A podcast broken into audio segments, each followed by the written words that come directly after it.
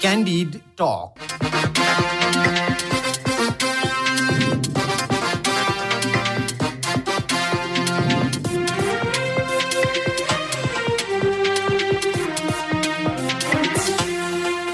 नमस्कार क्यान्डी टकमा तपाईँलाई स्वागत छ। म धीरज बस्नेत। रेडियो क्यान्डिडको प्रस्तुति कार्यक्रम क्यान्डी टक तपाईँले शनिबार बाहेक हरेक दिन बिहान साढे छ बजेबाट सात बजेसम्म आधा घन्टा सुन्दै आइरहनु भएको छ।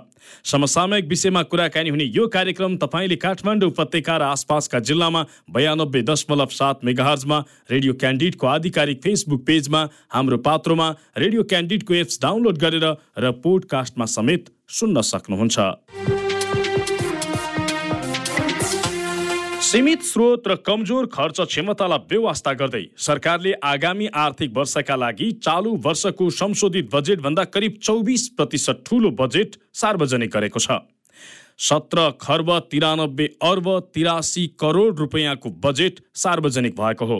बजेटमाथिको छलफल अहिले संसदमा चलिरहेको छ। बजेटलाई कतिपयले हावादारी भनेका छन् भने कतिपयलाई अहिलेको समस्या समाधान गर्ने अस्त्रका रूपमा समेत औल्याएका छन्। विश्व परिदृश्यले निम्ति आएका सङ्कट नेपालले भोगिरहेको आर्थिक चुनौतीलाई सम्बोधन गर्न यो बजेट सक्षम छ? यो बजेटले ल्याएका कुराहरू के कति चाहिँ राम्रा र के कस्ता प्रावधान वा के कस्ता कुराहरू चाहिँ कार्यान्वयन गर्न नसकिने खालका छन्। यी र यस्ता विषयमा आज हामी विशेष कुराकानी गर्दैछौँ। नेकपा एमालेका उपाध्यक्ष समेत रहनुभएका पूर्व अर्थमन्त्री सुरेन्द्र पाण्डेसँग। पाण्डेज्यू यहाँलाई स्वागत छ क्यान्डी टकमा हस् धन्यवाद। सबैभन्दा पहिला चाहिँ यो बजेटलाई सरसर्ती कसरी हेर्नु भएको छ? अहिलेको जुन खालको समस्या हामीले भोगिरहेका छौँ जुन खालको नेपालको परिस्थिति छ त्यसलाई सम्बोधन गर्ने गरी आएको छ कि अलिक फरक ढङ्गले आयो भन्ने लाग्छ बजेट? सबभन्दा पहिला त तपाईँकै प्रश्नबाट मैले सुरु गर्छु। बजेटलाई मैले कसरी हेरेको छु या जनताले कसरी हेर्नुपर्छ भन्ने सन्दर्भमा हिजो मात्रै मेरो एकजना व्यवसायीसँग भेट हो अचानक। उहाँले के भन्नुभयो भने उहाँ होटल व्यवसायी पनि हो। हजुर। मैले साढे सात प्रतिशतमा ब्याज ब्याजमा चाहिँ ऋण लिएको छु। त्यो ऋण चाहिँ अहिले बढेर बाह्र प्रतिशत पुगेको छ। र म छिट्टै सुन्दैछु पन्ध्र प्रतिशत पुग्दैछ। यो जुन तरलताको अभाव छ म यहाँ जति कमाउँछु कमाउँदै लगेर मैले त्यो ब्याज तिरिरहेको छु किन भन्दा अब यसरी अहिले चाहिँ जुन ब्याज दर बढिरहेको छ यसले झन्डै पाँच सात वर्षमै मेरो चाहिँ ऋण दुई गुणा बढ्छ।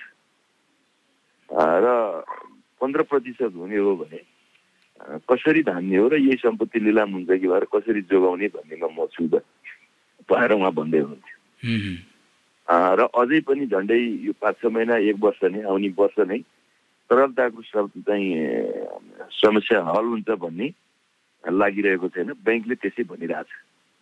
जुन ब्याङ्कहरूबाट उहाँले लोन लिनुभएको छ त्यसो भनिरहेको छ ब्याङ्कले भन्ने उहाँको भनाइ थियो।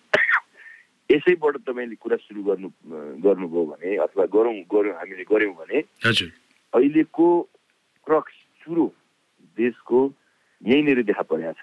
जस्तो विदेशी मुद्राको सञ्चित घटिरहेको छ। विदेशी मुद्राको सञ्चितको सन्दर्भमा नै नेपाल राष्ट्र ब्याङ्कको के छ भनाइ भने अहिले इतिहासकै एकदमै सङ्कटपूर्ण घडीमा हामी छौँ। नौ नौ अरब एकसठी करोड यतिखेर हामी डलर टर्ममा हाम्रो सञ्चित बाँकी छ। साउनदेखि अहिलेसम्ममा दुई अरब सत्तरी करोड डलर चाहिँ हाम्रो कम भएको छ। र प्रत्येक महिना बाह्रदेखि पन्ध्र करोड डलर चाहिँ हाम्रो त्यो रिजर्भबाट घटिरहेको छ र घट्ने ट्रेन्ड जारी छ। अझ राष्ट्र ब्याङ्क स्रोतले के भन्यो मसँग भने हजुर जतिखेर अर्थमन्त्री हुनुहुन्थ्यो त्यस बेला हाम्रो टोटल हाम्रो डलर स्रोत नै स्टक नै हाम्रो दुई अरब सत्तरी करोड अथवा तिन अरबको आसपास थियो। त्यस बेलाको स्टक बराबर नै अहिले घटिसक्यो। यो सामान्य हाम्रो जस्तो अर्थतन्त्रको लागि चान्चुने कुरा होइन। र यो क्रम यसमा सुधार हुने क्रम अझै छैन। भनेपछि डलर घट्दो छ रिजर्भ। अनि बजारमा पैसा छैन। एकदमै सङ्कटको एउटा स्थिति छ। ब्याज दर बढिरहेको छ जसले गर्दा व्यवसायीहरू चाहिँ पुरै निराश छन् र हतोत्साहित पनि छन्। के गर्ने कसो गर्ने भनेर एक प्रकारको आत्तिएको परिस्थिति छ। अन्तर्राष्ट्रिय परिस्थिति हेऱ्यो भने ज्यादै एउटा अप्ठ्यारोबाट गुज्रिएको छ। अमेरिका जस्तो देश अहिले साढे सात प्रतिशत चालिस वर्ष यताकै सबभन्दा ठुलो मूल्य वृद्धिको मारमा छ। Europe European Union seven seven percent मूल्य वृद्धिको चापमा छ। त्यो आफै त्यहाँ त जिरो वान टू पर्सेन्टभित्र नै हुनु नै पनि ठुलो कुरा मानिन्छ। सामान्यतया दुई प्रतिशतभन्दा माथि मूल्य वृद्धि हुँदै हुँदैन। यस्तो चाहिँ अवस्थामा अब अमेरिकाले स्वयं के गरिरहेछ अहिले भने विदेशी विदेशमाबाट चाहिँ आफ्नो जति पनि लगानी भएकोलाई फिर्ता गरेर आऊ र स्वदेशमै लगानी गर भएर अनेक इन्सेन्टिभ दिइरहेछ। चाइनाको पनि इकोनोमी चाहिँ के छ भने स्लो डाउन भइरहेको छ खास गरी जिरो कोभिड टल अँ, चाहिँ टलरेन्स चाहिँ गर्ने भएर उसले त्यसलाई चाहिँ कतिपय उत्पादन कतिपय सहर नै लकडाउन गरेको कारण र अमेरिकासँगको ट्रेड वार या अहिले युक्रेनको सँगको वारको कारणले गर्दाखेरिमा उसले उसको इकोनोमी पनि उसले उसको तल फोर पोइन्ट वान पर्सेन्ट यस्तैमा ग्रोथ होला भन्ने अनुमान हुँदैछ।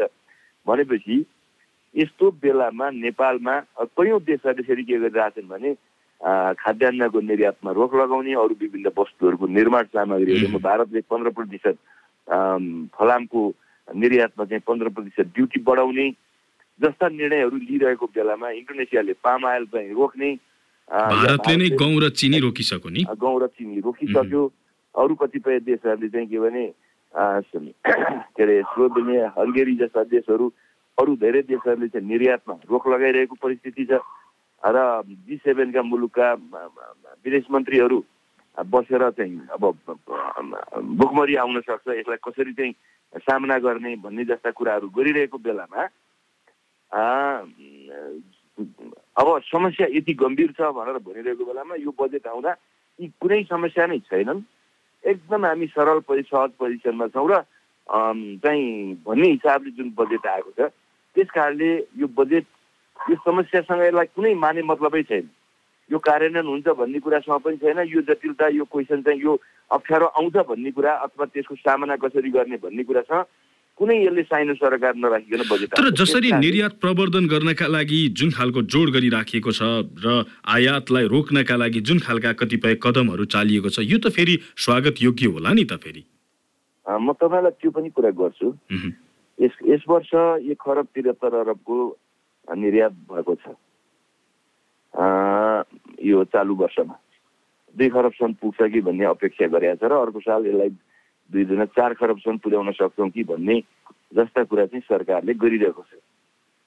र म यो पनि हेर्दाखेरिमा के रहेछ भन्दा म डेटा चाहिँ भन्सारबाट चाहिँ डेटा हेरिरहेको छु।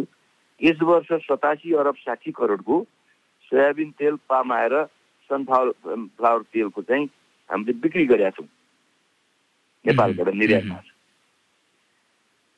भनेको टोटल निर्यातको आधाभन्दा बढी चाहिँ यी तिनवटा प्रोडक्ट छ र यो तिनवटा प्रोडक्टमा मैले अघि तपाईँलाई भनिसकेँ बाहिरकाले निकासी सोयाबिन हामीले चाहिँ युक्रेनबाट ल्याउँदो रहेछौँ. पाम आयल चाहिँ के अरे सनफ्लावर अब सोयाबिन पाम आयल पनि अब पाम आयलको पनि बाहिर जसले निकासी गरिरहेछन् त्यहाँ हाम्रोमा त आएर सामान्य भ्यालु एडिसन भएर इन्डिया जाने हो यो। अब इन्डियाले के गर्यो भने यस वर्ष स्वदेशकै इन्डस्ट्रीको लागि भनेर चाहिँ त्यहाँ चाहिँ ड्युटी घटाइदियो ट्याक्स घटाइदियो।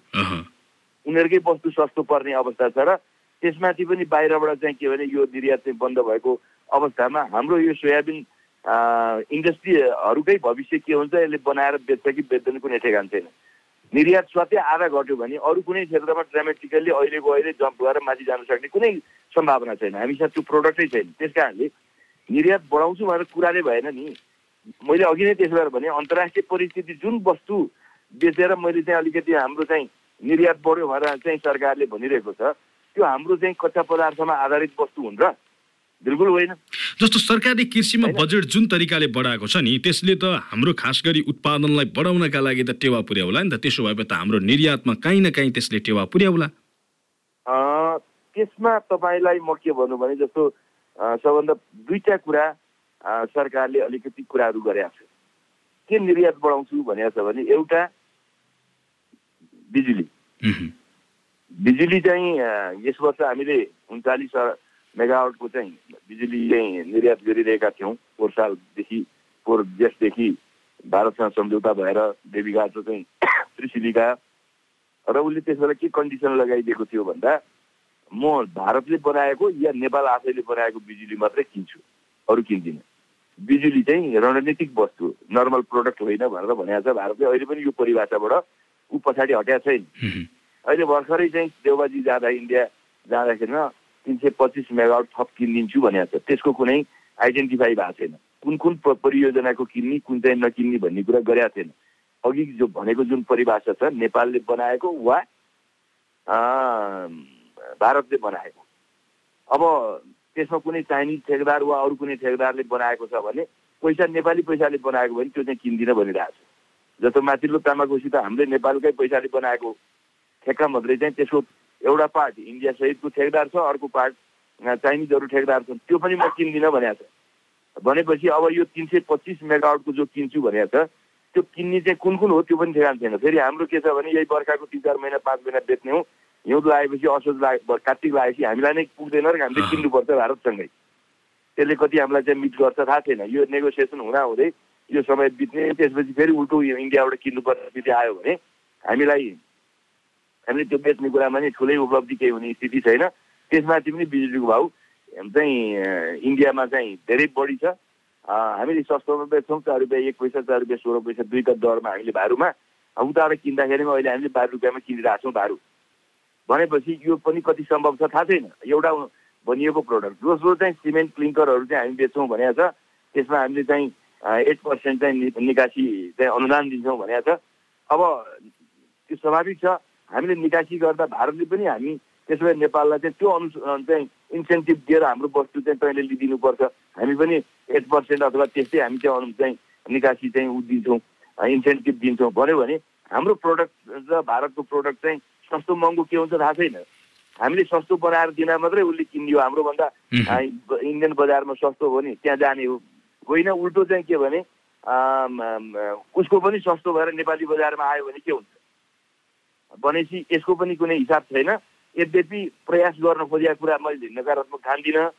तर भनेको जस्तो सजिलो चाहिँ किन हाम्रो सानो साइजको चाहिँ अर्थतन्त्र उसको ठुलो साइजको अर्थतन्त्रसँग लिने नीतिहरूमा अलिकति मात्रै उसले पोलिसीमा हेरफेर गरिदिने बित्तिकै हामी फेरि पुरै चाहिँ के भने त्यहाँ चिचिने चिचिने स्थिति बन्छ। त्यस कारणले यसका चुनौतीहरूलाई कुनै ख्याल गरेको अवस्था छैन। आजसम्म हामी व्यापारमा त्यस हिसाबले सफल भएको व्यापारिक बार्गेनिङमा हामी एकदमै धेरै स्मार्ट भएको अवस्था पनि छैन हाम्रो ब्युरोक्रेसी हाम्रो प्राइभेट सेक्टर पनि धेरै चाहिँ साँगुरो आकारको छ। त्यसले गर्न सक्दैन। अहिले गर्न खोजेको ट्रेड भनेको एउटा बिजुलीको व्यापार सरकारले गर्नु पर्यो अर्को प्रोडक्ट अर्को व्यापार भनेको चाहिँ प्राइभेट सेक्टरले गर्नु पर्ला सिमेन्टहरूको कुरा गर्दा।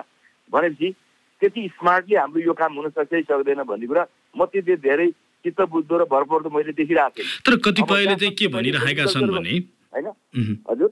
कतिपयले चाहिँ के भनिरहेछन् भने तपाईँहरूले जसरी बजेटलाई व्याख्या गरिरहनु भएको छ नि खास गरी अब आफूले ल्याउँदा सबै राम्रो अर्कोले ल्याउँदा सबै खराब भन्ने जुन नेपालमा प्रवृत्ति छ यो प्रवृत्तिका कारणले गर्दाखेरि नि काम गरिरहेको हो भनिरहेका छन् कि? होइन तपाईँले त्यस्तो भन्न पनि सक्छन् मान्छेहरूले। भन्नु अनौठो पनि म मान्दिनँ।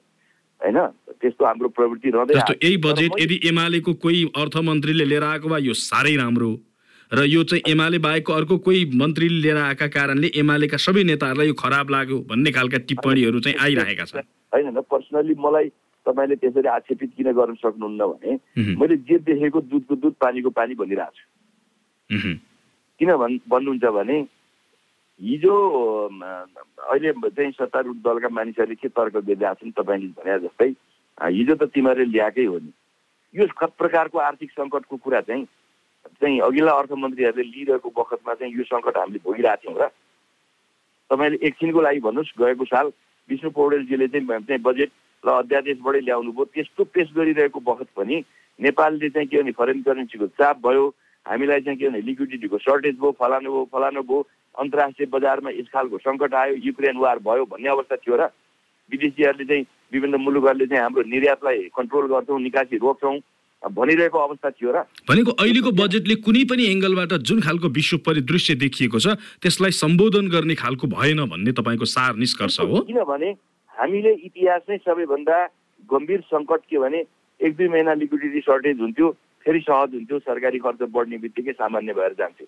तपाईँले हेरिरहनु भएको छ लगातार जुन महिनाहरूमा आएर तरलता सहज हुन्थ्यो जस्तो चैतपछि फागुनपछि जब सरकारको चाहिँ के भने चाहिँ खर्च चाहिँ बढ्दै जान्थ्यो। लगानी के अरे सरकारी ढुकुटीबाट चाहिँ पैसा बाहिर ठेकदारहरूलाई अरूलाई पेमेन्ट हुँदै जान्थ्यो। लिक्विडिटीको पनि सहजता भएको पाउँथ्यौँ हामीले अलिअलि यो कार्तिक मङ्सिर अथवा यो जतिखेर चाहिँ सरकारी कोषबाट चाहिँ पैसा चाहिँ रेभेन्यू मात्रै दिने बाहिर चाहिँ पैसा गएको हुँदैन थियो रिलिज नभएको अवस्थामा चाहिँ अलिकति सङ्कटको अवस्था हुन्थ्यो कार्तिकदेखि पुषमाघसम्म तर अहिले त हामी त हो लगातार अहिलेसम्म आजको मितिसम्म पनि त्यो सङ्कटबाट चाहिँ सङ्कटबाटै गुज्रिरहेछौँ अहिले तत्काल अब हिजो अस्ति मात्रै पनि हाम्रो चाहिँ के भने पुँजीगत खर्च तेत्तिस पर्सेन्ट मात्रै भएको छ। अब तुरुन्तै चाहिँ के भने बढ्ने अवस्था पनि छैन। यो पुँजीगत खर्च हुँदाखेरिमा पनि फुल्ली हुँदाखेरिमा पनि तरलता अब चाहिँ समस्या सल्भ हुने अवस्था देखिया छैन। भनेपछि यो त केही पृथक ढङ्गले केही जटिल प्रकृतिको समस्या छ भन्ने त बुझ्नु पर्यो नि। यसको समाधान गर्नको लागि अब तपाईँ अर्कोतिर के अन्तर्विरोधी कुरा छ भन्दा सबभन्दा चुनौतीपूर्ण कुरा चाहिँ के भने फरेन करेन्सीको रिजर्भ घट्दो छ। अब फरेन करेन्सीको रिजर्भ तपाईँ कुनै अर्को कुरा गरेर तपाईँ तुरन्त तुरन्तै तपाईँले म्यानेज गर्न सक्नुहुन्छ र? त्यो त सम्भावना छैन। तपाईँसँग फरेन करेन्सी के आधारमा आउँछ? कि तपाईँले निर्यात बढ्नु पऱ्यो? मैले अघि भनिहालेँ निर्यातको समस्या यो छ। दोस्रो चाहिँ तपाईँले वैदेशिक सहायता र अनुदान आउनु पर्यो त्यो अवस्था हेर्दाखेरिमा पनि के छ भने वैदेशिक सहायता अनुदान भनेको भर्खरै त्रिसठी अरब आउँछ भनेर चाहिँ यो वर्षको लागि टार्गेट गरेको तेह्र अरबभन्दा माथि आउने स्थिति छैन भनिरहेछ सरकार आफैले। होइन? यही उसले अनुदान पनि आइरहेको छैन। ऋणको कुरा गर्ने भने ऋण पनि हामीले चाहिँ तिन सय नौ अरब रुपियाँ लिन्छु भनेको छ। भनेको थियो त्यो पनि त्यसको चाहिँ तिस प्रतिशत पनि ऋण आएको छैन। किन भन्दा हाम्रो खर्चै भएको छैन। हामी खर्च नगरिकन पैसा प्राप्त गर्न सक्दै सक्दैनौँ। भनेपछि हाम्रो त्यो त्यसबाट पनि फरेन करेन्सी जस्तो सरकारको खर्च गर्ने क्षमता जुन देखिराखिएको छ सरकारको खर्च गर्ने क्षमता र बजेटको आकार हेर्दाखेरि चाहिँ तपाईँले कस्तो खालको फिल गरिरहनु भएको छ? बजेट निकै नै ठुलो आयो भन्ने लागिरहेको छ कि? स्वेलिङ छ जस्तो अर्को पनि तपाईँलाई भनौँ गाँठी कुरा म भने आठ प्रतिशत वृद्धि र सात प्रतिशत मूल्य चाहिँ के अरे चाहिँ इन्फ्लेसनमा कन्ट्रोल गर्छु भनेको छ नि। सात प्रतिशतमा इन्फ्लेसन कन्ट्रोल गर्छु भन्ने बित्तिकै अब राष्ट्र ब्याङ्कले मोनिटरी पोलिसी के ल्याउँछ? नियन्त्रणात्मक ल्याउनुपर्छ कि पर्दैन कन्ट्राक्सन सातभन्दा त अहिले नागिसकेको छ। उसले नियन्त्रण गर्नु पर्यो योभन्दा टाइट गरेर जानु पर्यो फरेन करेन्सीको रिलिज गर्न पनि होस् गरी गरी जानु पर्यो। जबकि अब चाहिँ बजेटले के भन्छ एकदम एक्सपेन्स रेट फु फुले फुलाएर आएको छ। बाह्र खरब चालिस अरब त म रेभेन्यू कलेक्ट गर्छु अर्को साल भनेको छ। त्यसको लागि चाहिँ आयातमा चाहिँ पुरै चाहिँ के भने दम लगाउनु पऱ्यो नि त। चाहिँ प्रेसर गर्नु परेन आयात बढाउने बित्तिकै। अनि न व्यापार घाटा घट्छ यसले जे भनिरहेको छ व्यापार घाटा चाहिँ कटौती गर्छु अर्को नि गर्छु ब्यालेन्स अफ पेमेन्टलाई म सकारात्मक बनाउँछु आदि। चालु खातालाई पनि म चाहिँ चाहिँ सकारात्मक बनाउँछु। अनेक कुराहरू गरेको छ। आयात बढ्ने बित्तिकै त्यो सम्भव छ र। अनि आयात नबढिकन रेभेन्यू पुग्छ। म चाहिँ अब त्यस ढङ्गले आयात गर्ने भनेको यो खासको यो यो अलिक दोहोरो खालको मापदण्ड देखियो होइन? एकातिर आयात बढाउने भनिएको छ।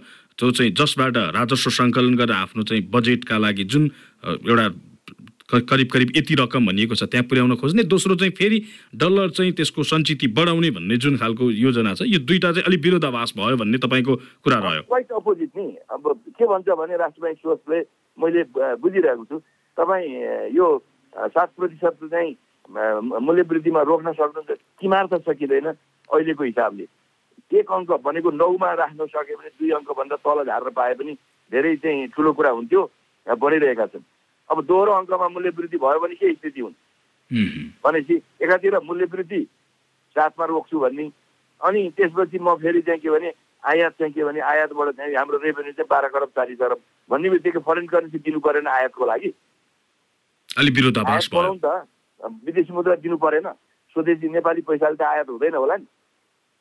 त्यो बाह्र खरब चालिस चालिस अरब त कहाँ भन्दा हाम्रो त आयातबाट आउने चाहिँ नै रेभेन्यू हो भन्ने बित्तिकै यस्ता समस्याहरूतर्फ बिल्कुल आँखा चिम्लेर जुन कुरा गर्न खोजेको छ मुख्य कुरै भत्यो भने चाहिँ यहाँ पैसा बाँड्ने कुरा या अर्को कुरा के अर्थ हुन्छ र तपाईँले सकारात्मक कुरा गर्दा के अर्थ हुन्छ र? जब मूल कुरा जस्तो यो बिचमा चाहिँ अनेक कुरा गर्दा गर्दै जब राष्ट्र ब्याङ्कले पैसा दिन बन्द गरिदियो एलसी खोल्नको लागि शत प्रतिशत नगद राख्न थाल्यो सत्य आयातलाई चाहिँ के भने त्यसले हिट गरेन र अनि त्यसले गर्दा चाहिँ यो के अरे यो तरलतामा शुद्ध अरू या चाहिँ यसमा शुद्ध भएन। त्यो तरलता किन अभाव भयो भन्दा ठिक के छ भने आयातमा बढी पैसा गएको कारणले गर्दाखेरिमा ब्याङ्कमा पैसै भएन। ब्याङ्कबाट गएका ऋण जति जम्मै आयातमा भयो त्यो पनि कन्जम्सन गर्नको लागि उपभोग गर्ने चाहिँ वस्तुको लागि आयात भयो। कुनै उद्योग धन्दाको लागि होइन।